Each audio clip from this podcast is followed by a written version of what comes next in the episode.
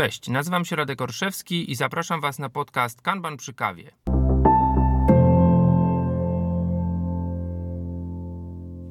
Witam Was serdecznie w drugim odcinku podcastu Kanban przy kawie.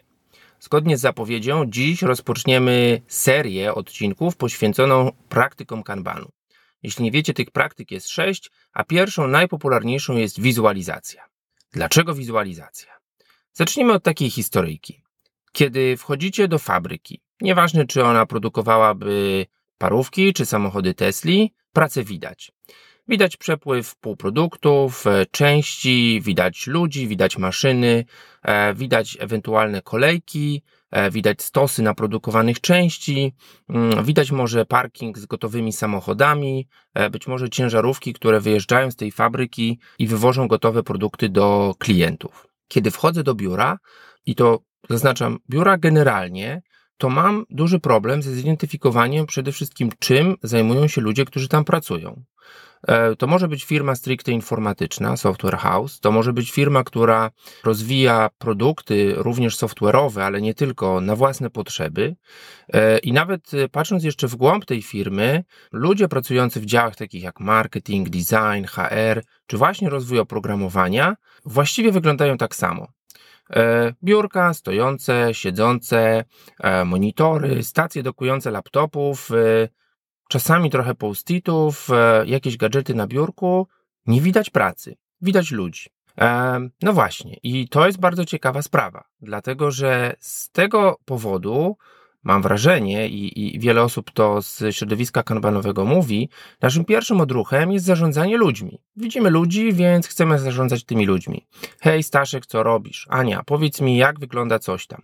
No właśnie, powiedz mi, jak wygląda. To jest już w ogóle pytanie, które mówi o tym, że tak na dobrą sprawę jesteśmy zainteresowani tym, jaki jest stan pracy, jaki jest e, przepływ tej pracy, a nie to, jak Staszek czy Ania się mają, albo jak oni są bardzo zajęci.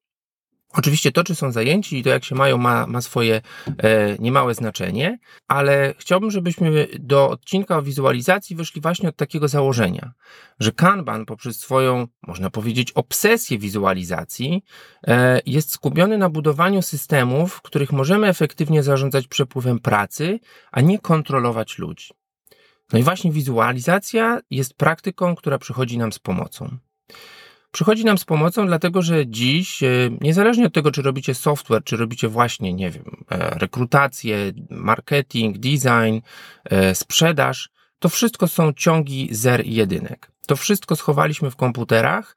Jakiś czas temu trzymaliśmy to na dyskach twardych, dziś trzymamy to w chmurze setki, jeśli nie tysiące kilometrów od miejsca, w którym, w którym pracujemy, w którym wykonujemy pracę i tej pracy nie widać. Nie widać, czy ona się kolejkuje, nie widać, czy tej pracy mamy za dużo, nie widać, czy tej pracy mamy za mało, nie widać, czy ta praca stoi, e, nie widać, czy pracujemy w ogóle nad tym, nad czym powinniśmy pracować.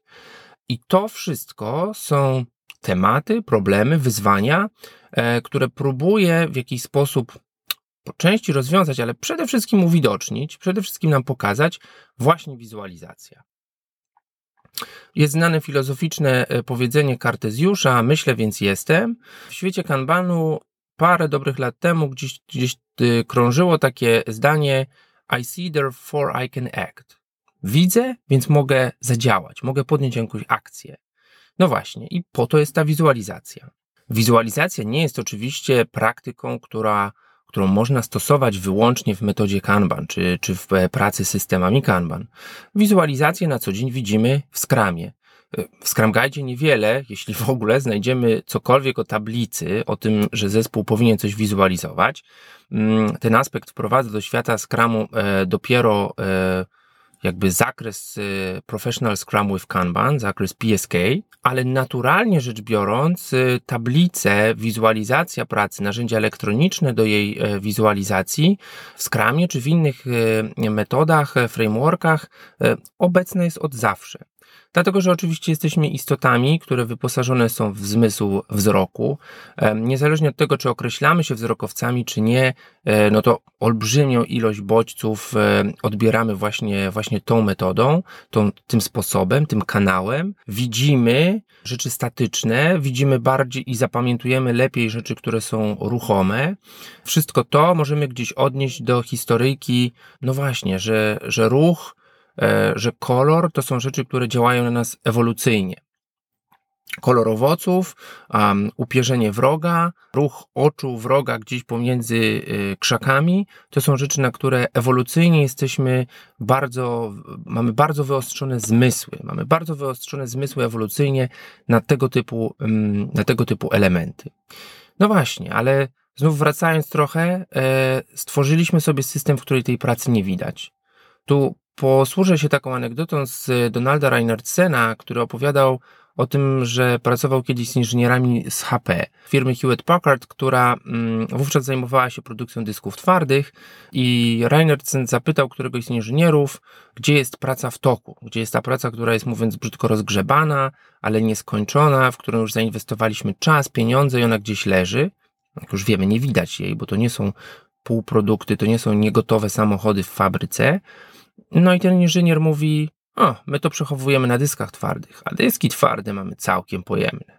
Od czego zacząć przygodę z wizualizacją? Odpowiedź jest stosunkowo prosta i może już po części sprzedana w wstępie do, do dzisiejszego odcinka. Najważniejszym aspektem e, wizualizacji jest wizualizacja przepływu pracy oraz elementów tej pracy. Jak sobie powiemy w dalszej części, elementów, które możemy wizualizować jest bardzo dużo. Część z nich dotyczy nawet takich, e, powiedziałbym, aspektów, w pierwszym, pierwszej kolejności nie przychodzą nam do głowy, jeżeli chodzi o wizualizację. E, o tyle ten proces i elementy pracy na pewno są rzeczami, które powinniśmy w pierwszej kolejności mm, zwizualizować. Jak do tego, jak do tego podejść?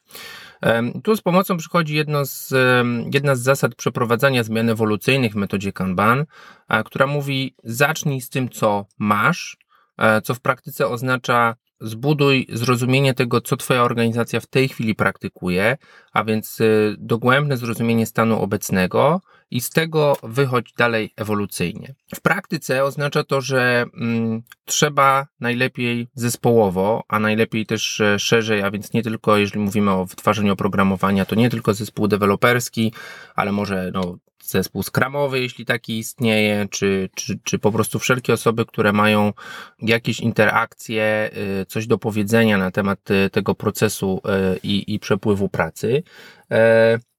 I najlepiej warsztatowo poprosić te osoby o zbudowanie delu procesu, jak ta praca przepływa.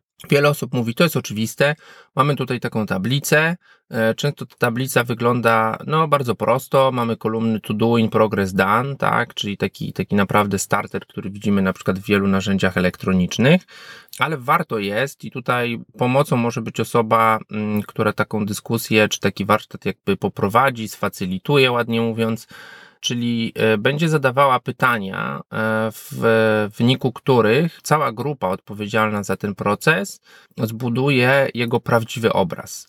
E, prawdziwy obraz, czyli trochę bardziej szczegółowy niż te trzy wyjściowe kolumny, bo no powiem z doświadczenia, rzadko wygląda to tak, żeby to były tylko i, i wyłącznie trzy kolumny, tak? Progres znaczy bardzo wiele rzeczy i jeśli umieścimy w tej kolumnie właściwie wszystko, czyli zadania i w analizie, i w testach, i nie wiem, e, oczekujące na code review, czy, czy, czy przeróżne inne elementy procesu wytwórczego, może jakieś apruwale, może jakieś designy, e, no to nagle się okaże, że właściwie wszystko jest w jednej kolumnie i dużo czasu spędzamy nad tym, żeby znaleźć te właściwe zadania e, wewnątrz niej. Tu Pomocą jest oczywiście to, że, że ktoś jest w stanie zadawać właściwe pytania. Hej, co się dzieje z tym elementem pracy?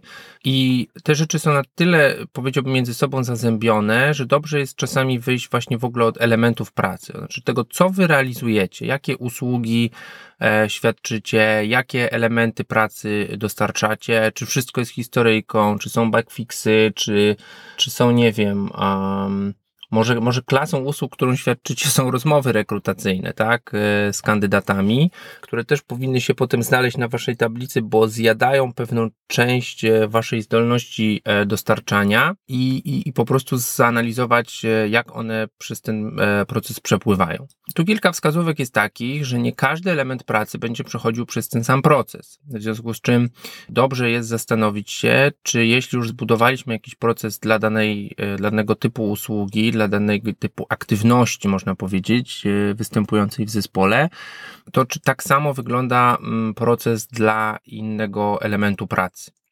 Inaczej może wyglądać e, ścieżka naprawy baga, inaczej może e, wyglądać ścieżka pracy nad nowym wymaganiem. Jeszcze innej ścieżki może wymagać jakieś zadanie redukujące dług techniczny występujący w produkcie czy, czy w, w zespole. Te wszystkie rzeczy bardzo często powodują, że powstają nam tablice, których nie byliśmy świadomi. Tablice, które odzwierciedlają stan rzeczywisty, ale są zwykle szersze, mają więcej kolumn, ponieważ to, że mamy jedną kolumnę i progres, nie oznacza, że wszystko naprawdę jest in progress. Mm, więc etapem e, kolejnym jest to, że e, ustalamy, OK, tak wygląda w rzeczywistości przepływ tej pracy.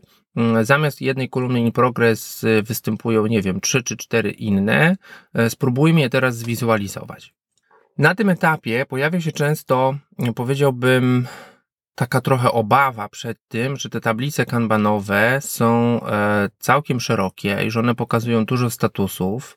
Jeśli do tego dodamy jeszcze mm, świadomość i praktykę tego, że mm, no, na dobrze zaprojektowanej tablicy kanbanowej nie powinniśmy mieć po sobie dwóch statusów aktywnych, ponieważ na przykład zakończenie aktywnego kodowania czy testowania nie oznacza, że natychmiast mamy um, przepływ tego zadania do następnej osoby czy do następnej aktywności, bo być może tam jest kolejka, być może osoba odpowiedzialna za następną aktywność, na przykład za przegląd kodu, jest w tej chwili zajęta i powinien powstać jakiś bufor, to, e, to powstają tablice, które mają kilka, czasem nawet kilkanaście kolumn. I tu pojawia się taki, powiedziałbym, mit, że taka wielokolumnowa tablica Kanban to właściwie jest taki waterfall. Chcę powiedzieć, że po pierwsze o tym, czym jest waterfall, a, a czym nie, to można pewnie nagrać osobny odcinek, niekoniecznie poświęcony mm, Kanbanowi, ale co jest istotne, to jest to, że w podejściu kaskadowym, w podejściu waterfall, przez e, proces, pomiędzy kolejnymi etapami procesu przepływają duże partie pracy, tak? To znaczy cały produkt, mówiąc obrazowo, jest na przykład najpierw projektowany, a potem wdrażany, w sensie kodowany i dopiero po kodowaniu cały produkt albo bardzo duża jego część um, następnie przechodzi do jakichś testów, testów akceptacyjnych czy czegoś takiego.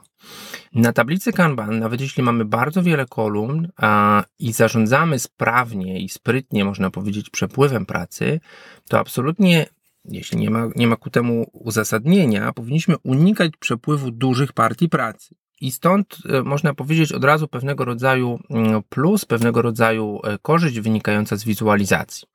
Jeśli zwizualizujemy sobie tablicę, przepływ pracy w postaci kilku, kilkunastu nawet kolumn i w następnym kroku naniesiemy na to elementy pracy, które przez ten system przepływają, to jesteśmy w stanie zobaczyć, czy naprawdę pracujemy waterfallowo, czy nie. E, może się okazać, że tak, ale to nie będzie wina kanbanu, to nie będzie wina tablicy, to po prostu będzie odzwierciedlenie rzeczywistości. Tak jak o wielu praktykach i metodach e, zwinnych mówi się, one nie rozwiązują wszystkich problemów, niektóre nie rozwiązują nawet żadnych problemów, natomiast doskonale te problemy uwidaczniają. I tu będzie największa korzyść e, z praktyki wizualizacji stosowanej zarówno w zespołach kanbanowych, jak i kolwiek innych zespołach, zespołach skramowych, które zdecydują się na wizualizację bardziej kanbanową, jeśli można tak to nazwać, zobaczyć, czy ta praca gdzieś się nie kolejkuje, czy ta praca gdzieś się nie zbiera w jakieś duże partie. Problemem nie jest prawdopodobnie design tablicy kanbanowej, ale to, że może nie mamy dobrej praktyki rzemiosła e, programistycznego i mamy bardzo duże zmiany. Być może mm, pojedyncze zmiany w kodzie. E, być może nie mamy e, wystarczająco rozwiniętych takich podejść jak continuous integration, continuous deployment i delivery, co powoduje, że mm, nowe funkcjonalności czy poprawki muszą być budowane w jakieś większe pakiety. To wszystko na tablicy Kanban zobaczymy, ale pamiętajmy, że na tablicy Kanban jesteśmy zorientowani na flow, na flow jak najmniejszych jednostek, które szybko mogą dotrzeć do klienta, które niosą dla niego wartość i które dla nas niosą feedback. Wszystko, co, o, czym mówimy, o, o czym mówimy właściwie w, w podejściu zwinnym, w podejściu agile. Tu znów wizualizacja, powtórzę się, może pomóc zrozumieć, czy tak na dobrą sprawę jesteśmy tacy zwinni i jesteśmy tacy szybcy w dostarczaniu małych paczek wartości, na podstawie których możemy się uczyć, budować wiedzę, budować nowe informacje, czy też nie. E, natomiast to nie tablica Kanban jest, e, mówiąc tym przysłowiowym chłopcem do bicia. Tak? To, to, to nie tablica Kanban powoduje, że jesteśmy waterfallowi. Tablica Kanban może nam po, po, po, pokazać, zarówno waterfallowość, jak i wiele innych, e, można powiedzieć, e, no, niedomagań naszego procesu. Pewnie teraz rodzi się w waszej głowie, ok, co jeśli nie mam facylitatora, co jeśli nie mam doświadczonego mm, praktyka mm, kanbanu, który poprowadziłby mi takie spotkanie. To nie jest takie trudne. Po prostu musimy sobie często opowiedzieć historię jako zespół, co się dzieje od momentu, w którym na naszym horyzoncie pojawia się jakiś element pracy, czy to jest historyjka użytkownika, czy jakieś wymaganie, krok po kroku, aż do momentu, w którym e, to znajduje się, nie wiem, na produkcji, tak, u klienta. Jest e, może nawet potwierdzone, a może śledzone przez jakieś metryki. W świecie Kanbanu, w świecie metody Kanban, najczęściej do tego stosujemy tak zwaną metodę static, a więc System Thinking e, Approach to Introducing Kanban a więc takie podejście e, systemowe, które patrzy na, na, na zespoły, na e, dostarczane przez nie usługi czy produkty taki, w taki systemowy sposób. Alternatywą trochę prostszą jest stosowanie technik podobnych, pewne, pewnego rodzaju uproszczonych map strumienia wartości, a więc value stream mapping, podejście trochę można powiedzieć linowego. Mm, tam też wychodzimy od tego, że budujemy mapę strumienia obecnego, a dopiero potem projektujemy jakiś model e, mm, podejścia, powiedzmy, którego byśmy sobie życzyli. Wszelkiego rodzaju, powiedziałbym, mniej formalne metody po prostu opisywania tej historii, wizualizowania jej w trakcie tej opowieści przy pomocy jakichś mm, karteczek na tablicy suchościeralnej, e, efektem której jest, jest po prostu zdjęcie tego procesu przepływu, e, bardzo dobrze nas do tego może, może doprowadzić. Gdy już pochyliliśmy się nad elementami pracy, a więc nad tym, co przepływa przez pracę, przez nasz e, system, powinniśmy sobie zadać pytanie, czy wszystkie te elementy są jednakowe. Ja od razu odpowiem, że bardzo rzadko znajduję takie środowiska, w których rzeczywiście by tak było. E, I to jest pewnego rodzaju zaprzeczenie jedne, jednemu z e, często powielanych mitów na temat kanbanu, no, że kanban to jest fajne podejście, ale do maintenance'u, bo tam mamy dwa rodzaje etykietów, e, odblokowanie drukarki, instalację serwera, no i to właściwie tyle. Ja bym powiedział, zbadajmy to tak? E, znów trochę empirycznie, e, zobaczmy, co tam się dzieje, i wtedy, wtedy zbudujmy na ten temat jakieś, e, jakieś zdanie, jakąś opinię, ponieważ od tych danych powinniśmy zacząć. I z mojego doświadczenia wynika, że zwykle tych jednostek pracy jest kilka. Te jednostki pracy są mniej lub bardziej, e, można powiedzieć, zróżnicowane, w zależności od tego też, w jakiej fazie znajduje się projekt. Mogą być to nowe funkcjonalności, mogą być to historyjki użytkownika, mogą być to zadania techniczne, być może są to zadania poświęcone budowaniu architektury tego oprogramowania.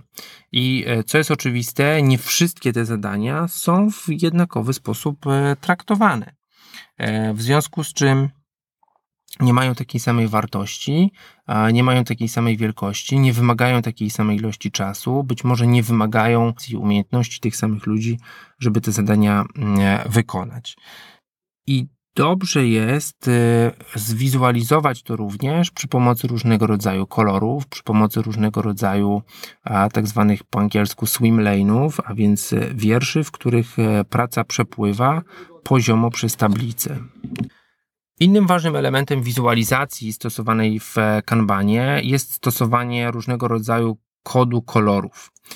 Tablice kanbanowe potrafią być tablicami bardzo kolorowymi i nie jest to kwestia tego, że nie mamy karteczek w jednym kolorze albo że bardzo lubimy karteczki post-it z określonej e, palety, czy to pasteli, czy kolorów neonowych.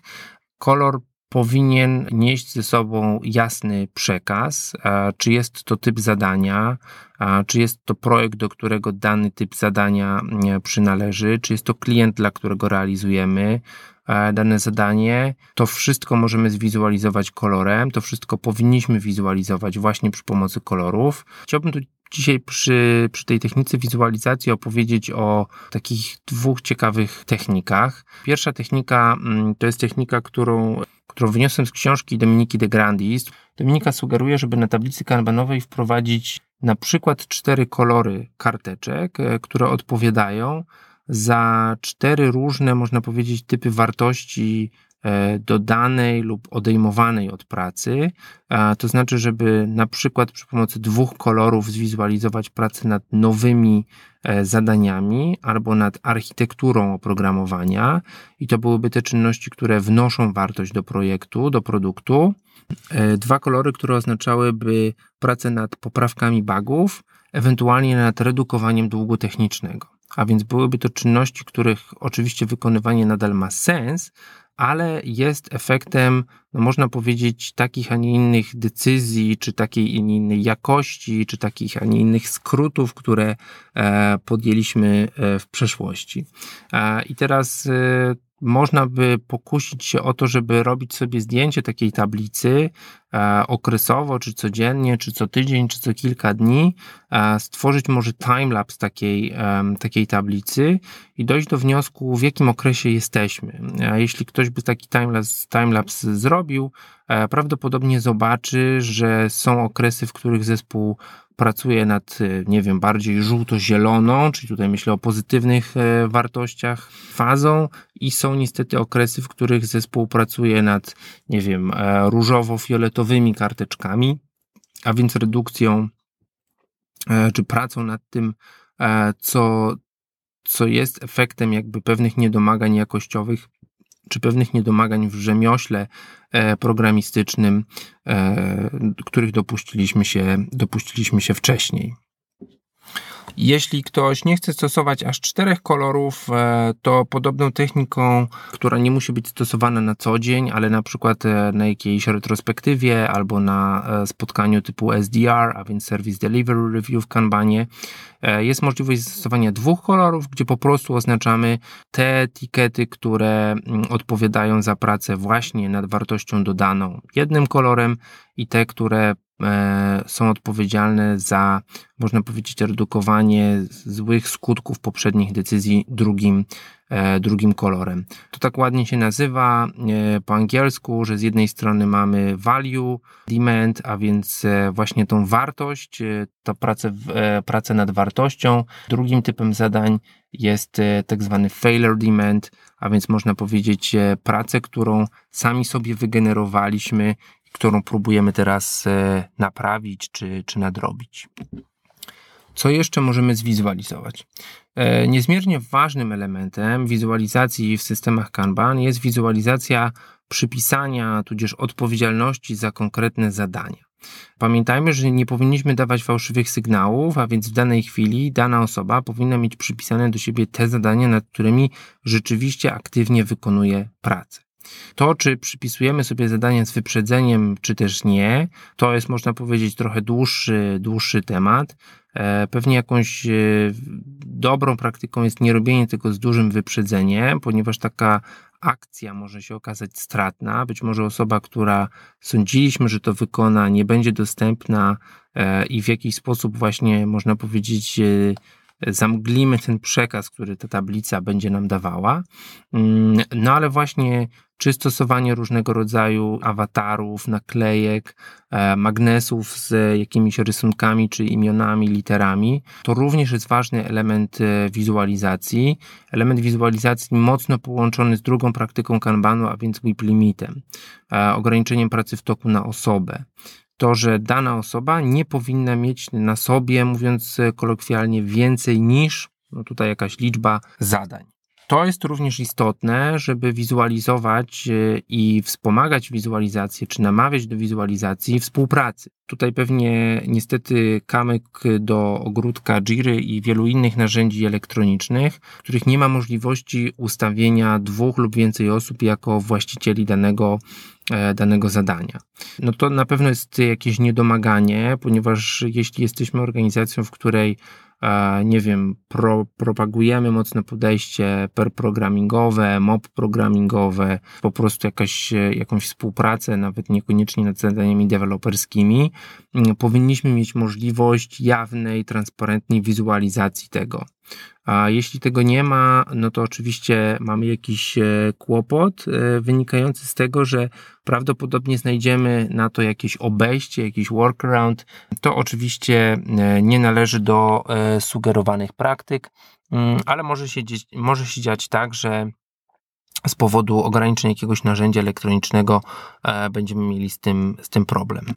Nie chcę Was martwić, to jeszcze nie koniec tego, co możemy wizualizować. Pamiętajmy, że jeśli już e, zaczęliśmy dyskusję przed kilkoma minutami o tym, czy każda praca przechodzi przez ten sam workflow, przez wszystkie, e, przez wszystkie kolumny, to pojawia się bardzo często mm, takie rozwiązanie, E, które nazywamy e, parent-children, a więc zależność pomiędzy rodzicem a dzieckiem zadania. E, tak jak w narzędziach elektronicznych myślimy często o jakichś subtaskach, tak, podzadaniach czy zadaniach podlinkowanych do, do, do większych elementów pracy.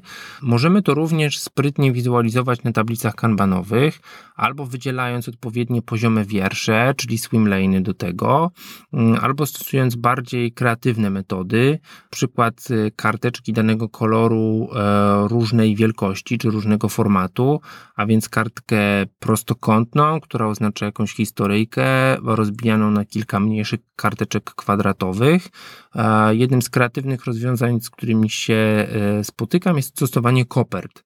A więc to, że tym, tym rodzicem jest koperta, która gdzieś na początku wypuszcza z siebie, mówiąc obrazowo, te mniejsze karteczki, potem je w siebie zbiera, E, i dopiero w momencie, kiedy wszystkie, wszystkie karteczki e, zależne są gotowe, mówimy sobie OK, cała funkcjonalność jest gotowa do testu, być może to jest moment na przeprowadzenie jakichś testów automatycznych, regresji i tak dalej, i tak to znów może być bardzo jasny, wizualny sygnał dla naszych kolegów i koleżanek, że jakaś, e, jakaś aktywność nad danym zadaniem może zostać wykonana.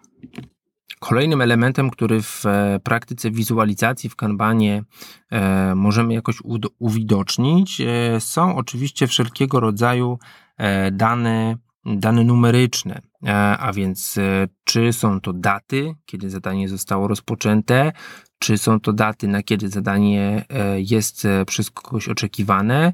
Być może nie każde zadanie taką datę ma, ale być może jest jakaś klasa zadań, jakaś rodzina zadań, które powinny być wykonane e, względem, no mówiąc wprost, twardej, twardej daty, twardego deadline'u, mówiąc, mówiąc kolokwialnie, a więc być może również dane związane z tym, jeśli na, daną, na dane zadanie istnieje SLA, a więc pewnego rodzaju oczekiwanie ze strony biznesu czy klienta, te wszystkie dane możemy umieścić i również wizualnie pokazywać progres na zadaniach, jak to, e, jak to przebiega. Innymi rzeczami, e, które możemy na tablicach zwizualizować, jest również e, zależność, a, a więc właśnie przez przez odpowiednią orientację przestrzenną na tablicy, po takie rozwiązania bardzo egzotyczne, e, które no nie zawsze się sprawdzają, ale warto spróbować, jak na przykład łączenie e, zadań jakimiś nitkami czy sznurkami, e, co, co pokazuje rzeczywiście zależności pomiędzy, pomiędzy tymi zadaniami. Na koniec przeglądu, oczywiście niepełnego tego co i jak możemy wizualizować blokery. E, zdarza się tak i zdarzać się będzie, nawet pewnie najlepszych, najbardziej niezależnych zespołach, że jakieś zadanie e, zostaje zablokowane. Być może wskutek brakujących kompetencji, być może braku zasobów takich jak środowisko testowe, być może, no tutaj możecie wkleić pewnie wiele, wiele różnych powodów, takich jak, e, nie wiem, brak doprecyzowania wymagań, brak feedbacku od kogoś, jakiegoś potwierdzenia. I bardzo istotne jest, co z tymi blokerami robimy, jakie, jakie uwidaczniamy, jakie wizualizujemy. Przede wszystkim pamiętajmy, że Kanban jest metodą, która E, jest skupiona wokół flow, a więc wokół, wokół przepływu. Taka, taka metryka jak flow efficiency, a więc efektywność przepływu, e, jest jedną z, no można powiedzieć, takich bardzo istotnych metryk, tak, która pokazuje, e, jak dobrze udaje nam się zarządzać aktywnie tym przepływem pracy, żeby tą efektywność podnosić. Każde zatrzymanie powoduje, że musimy do tej pracy po jakimś czasie wrócić. To będzie oczywiście powodowało konieczność przełączania e, uwagi, zmiany kontekstu, być może powrotu mentalnego do tego, ok, co tu zostało zrobione, mm, być może dopytanie kogoś, jeśli nie ta sama osoba będzie to zadanie kontynuować. I to są oczywiście wszystko, e, no, można powiedzieć, niepożądane sytuacje, natomiast one się pewnie będą zdarzały. I teraz, e, co robimy, kiedy zadanie ulega zablokowaniu? Przede wszystkim powinniśmy dać temu jak najszybciej jasny wizualny sygnał. Czy przyklejenie jakiegoś e, magnesu ze znakiem stop, czy przyklejenie dodatkowej ohydnie różowej, neonowej karteczki, to natychmiast powinniśmy to, to zrobić. Powinniśmy znów e, zareagować na taki sygnał wizualny i nie siedzieć w samotności, powiedzieć, dobra, dałem sygnał albo dałam sygnał, że to jest zablokowane, tylko ten sygnał powinien dotrzeć do innych osób e, i być może powinniśmy podjąć dyskusję, albo w tej samej chwili, albo przy najbliższej możliwości synchronizacji większej ilości osób, najpóźniej na, najpóźniej, zaznaczam, na, na nadchodzącym daily, tak, żeby mieć plan, co e, wokół takiej blokady zrobić. E, no i teraz czy dwie praktyki związane z wizualizacją blokerów na, na tablicach. Jedną jest to, że powstaje dedykowana przestrzeń albo kolumna, albo tak zwany parking lot, a więc gdzieś jakaś taka przestrzeń, jakiś prost, prostokąt, nie wiem, wyznaczony e, dla zadań zablokowanych, albo podejście do tego, że zadanie zablokowane pozostaje w tej kolumnie, w której jest ale chcę przestrzec Was przed e, taką praktyką tworzenia, e, można powiedzieć, właśnie takich parkingów albo kolumn na zadania zablokowane. E, bo to jest bardzo ważny, chociaż trochę chciałby się powiedzieć podprogowy sygnał, a że jeśli na tablicy znajduje się czy kolumna, czy jakaś przestrzeń dedykowana na zadania zablokowane, no to właściwie po co ona ma się marnować? Lepiej coś tam umieśćmy, prawda? No to oczywiście mówię, mówię tu z przekąsem, mówię tu z ironią, no bo jeśli zbudujemy system, w którym e, zablokowanie zadania jest właściwie akceptowanym stanem i trwanie tego zadania w zablokowaniu również jest akceptowanym stanem, to nie można powiedzieć, że jesteśmy zespołem bardzo zorientowanym na flow i na przepływ. Na koniec dzisiejszego odcinka chciałbym opowiedzieć trochę o śmiesznej rzeczy, albo śmiesznej rzeczy przynajmniej z nazwy, a więc o digitalizacji wizualizacji. Pamiętamy, że wyszliśmy od tego, iż pracę nienamacalną, pracę, którą, e, której nie widzimy, dobrze jest wizualizować, bo dzięki temu również sensorycznie, również fizycznie możemy tą pracę widzieć, możemy tej pracy nawet dotknąć i możemy nią, możemy nią skuteczniej zarządzać.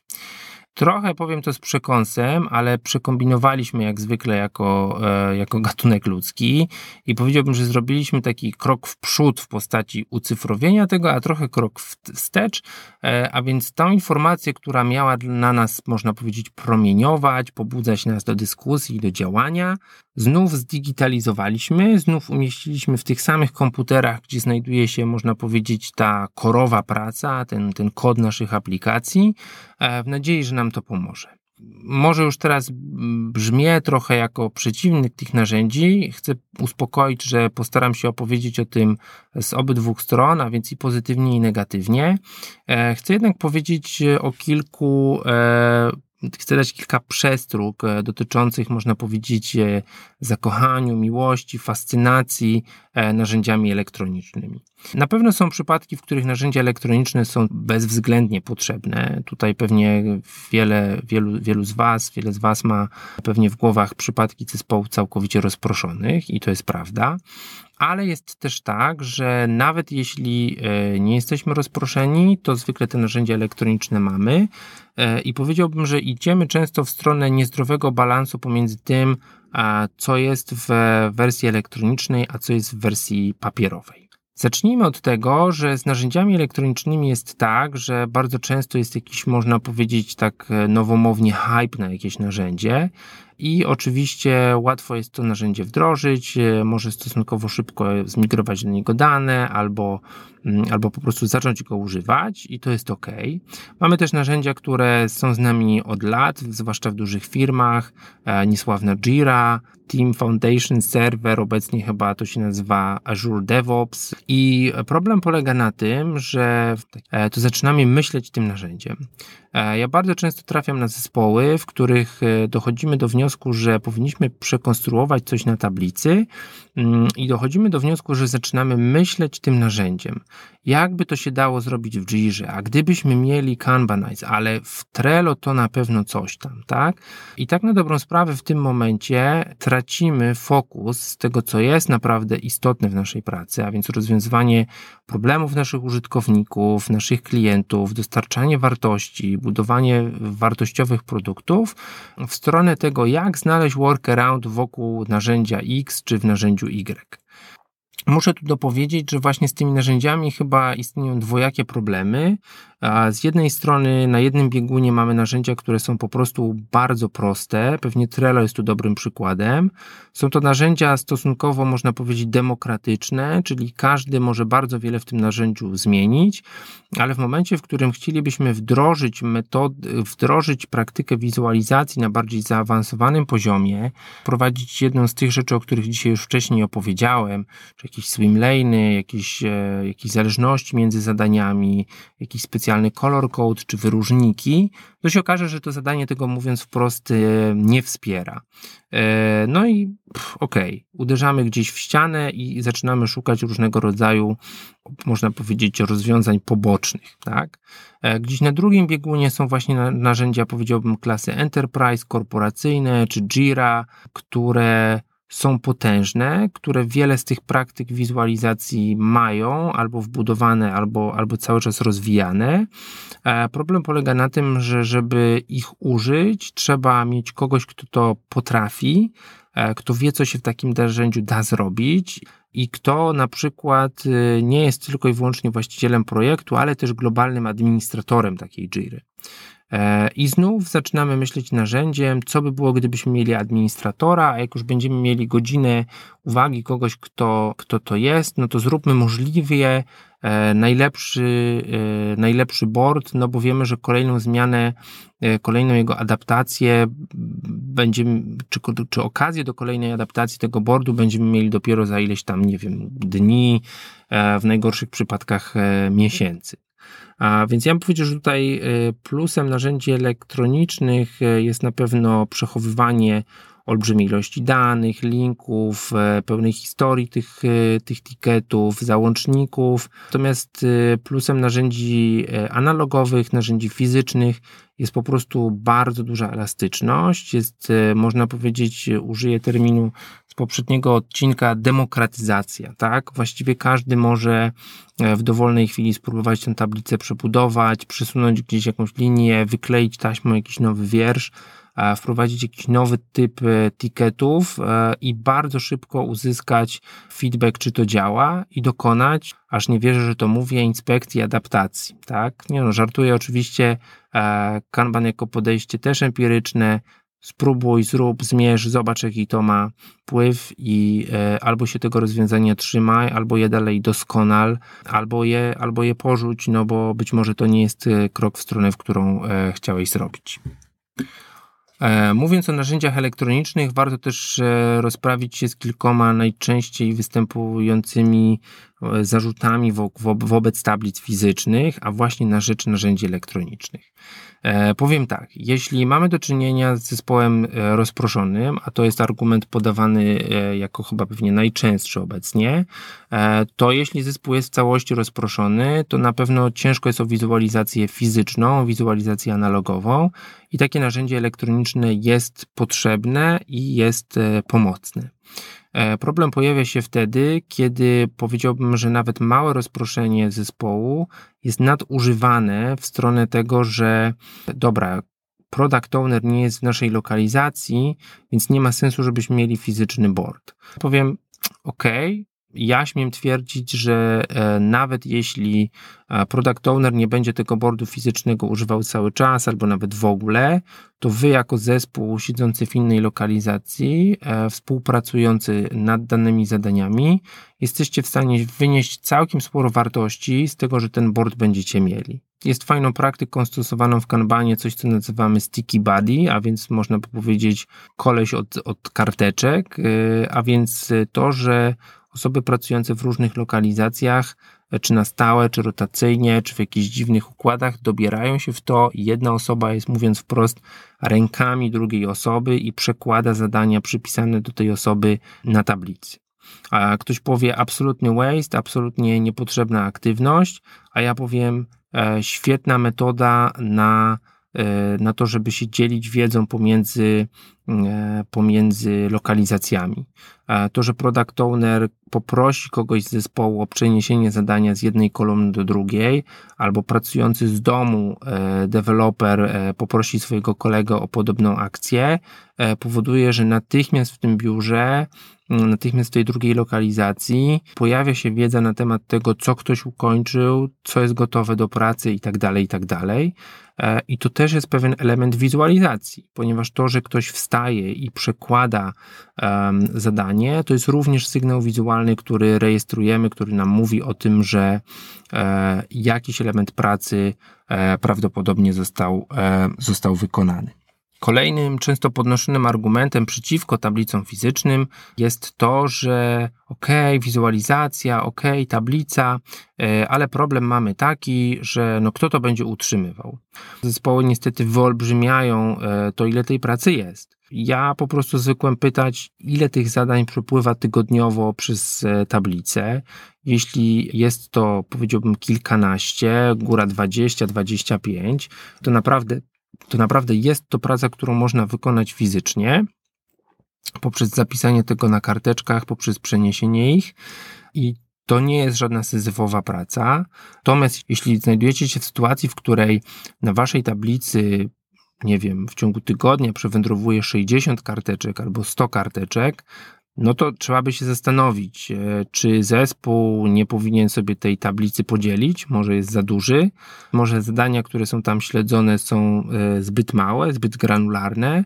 Pytanie, czy naprawdę śledzenie wszystkich drobnych aktywności e, przynosi wartość, czy rzeczywiście rozbicie zadań na bardzo małe podzadania przynosi jakąś wartość. Nie mówię, że nie, bo pewnie w wielu przypadkach tak jest, ale po prostu warto zadać sobie to pytanie ostatecznie y, być może jesteście rzeczywiście zespołem, który pracuje nad tak dużą ilością drobnych zadań, no, że taka wizualizacja e, fizyczna rzeczywiście mogłaby przynieść więcej traty poprzez zjedzenie jakiegoś e, czasu, ale to z mojego doświadczenia dzieje się naprawdę rzadko i rzadko w zespołach pracujących nad e, konkretnymi produktami, raczej właśnie w zespołach utrzymaniowych e, czy w jakichś innych domenach niż e, rozwijanie oprogramowania.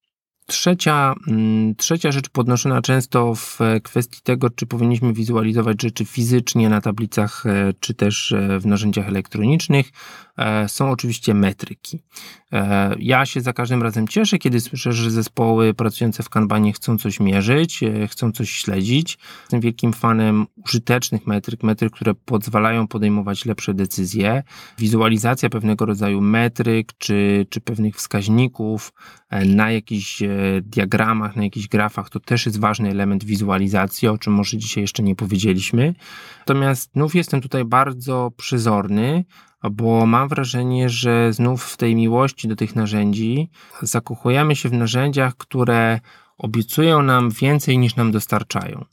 E, I trafiam bardzo często na to, że chcemy jakąś metrykę śledzić, e, nawet ta metryka jako ta, ta, metryka potencjalnie jest dostępna w danym narzędziu, natomiast jak się okazuje, e, to niestety tylko w kilku opcjach, o których pomyślał projektant, deweloper, twórca tego narzędzia, a więc no dobrze, możemy liczyć throughput, ale tylko dzienny, a nie tygodniowy, w związku z czym i tak ktoś to musi gdzieś tam policzyć, no bo u nas dziennie to się za wielu tych zadań nie wykonuje, bo one jednak są dłuższe, tak? To jest jakby pewnie jeden przykład, o którym e, mogę z całkiem niedawnej praktyki opowiedzieć. E, druga rzecz to jest e, ciekawa sprawa, to jest to, że wszelkie narzędzia elektroniczne działają na zasadzie trash in, trash out.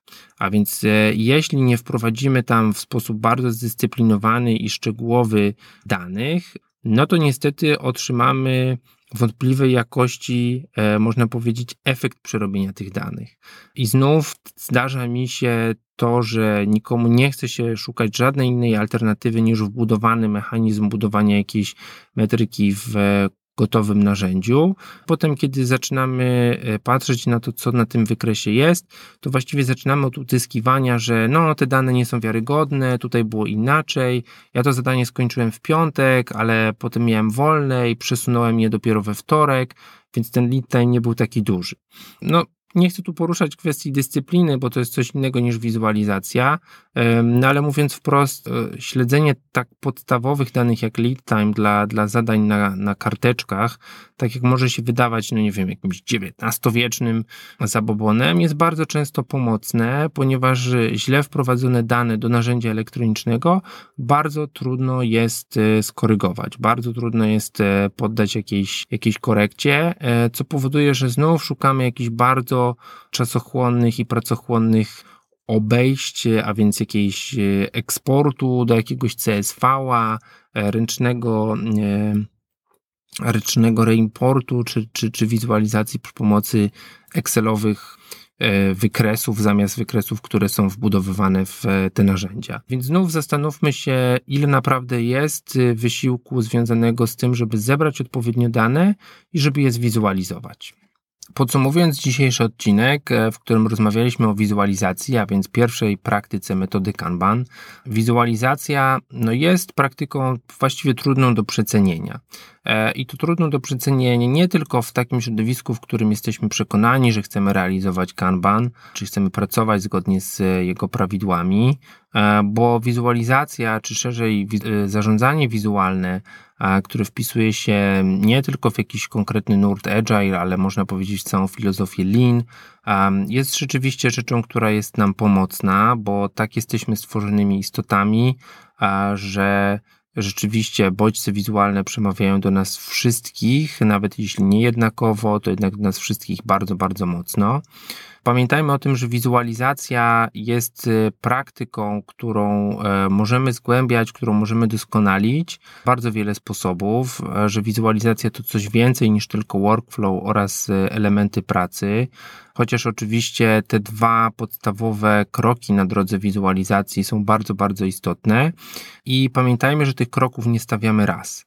A pamiętajmy, że nasz projekt, nasz produkt, nasz zespół e, będą w różnych fazach, w różnych momentach istnienia organizacji i e, raz dobrana wizualizacja, czy raz zbudowana wizualizacja, raz wybrane praktyki wizualizacji nie zawsze muszą być wystarczające na jakiś bardzo długi okres. W dłuższym, dłuższym czasie e, być może będziemy musieli zgłębić jakiś konkretny obszar, może będzie istotne bardziej zwizualizowanie tego, do kogo zadania są przypisane, niż e, to, jakiej, do jakiej klasy, klasy należą. Opowiedzieliśmy o kilku popularnych aspektach wizualizacji, wizualizacji um, zasad, wizualizacji e, przypisania osób, e, wizualizacji zależności, być może też stosowania kodu kolorów, którymi pokazujemy, czy pracujemy nad rzeczami e, wnoszącymi wartość, e, czy też nad, mówiąc wprost, naprawianiem własnych, e, własnych pomyłek. Mm, na koniec poruszyliśmy temat ucyfrowienia wizualizacji, że na pewno są takie układy i takie zespoły, w których te narzędzia elektroniczne są bezwzględnie konieczne, a być może są tylko nawet jedynym e, możliwym do zastosowania rozwiązaniem do wizualizacji, ale e, jednocześnie e, przestrzegłem Was przed tym, żeby pewnych, no naprawdę niewielkich przeszkód, żeby korzystać w pełni z dobrodziejstw tablic fizycznych i wizualizacji fizycznej, żeby nie uciekać od tego pod wpływem no można powiedzieć, jakichś takich łatwych wymówek, tak? Dlaczego, dlaczego nie możemy, albo dlaczego nie powinniśmy, bo jak sobie powiedzieliśmy, również narzędzia elektroniczne, również w obszarze metryk, a więc to, na co można powiedzieć głównie liczy, liczymy z ich strony, mają pewnego rodzaju e, niedomagania.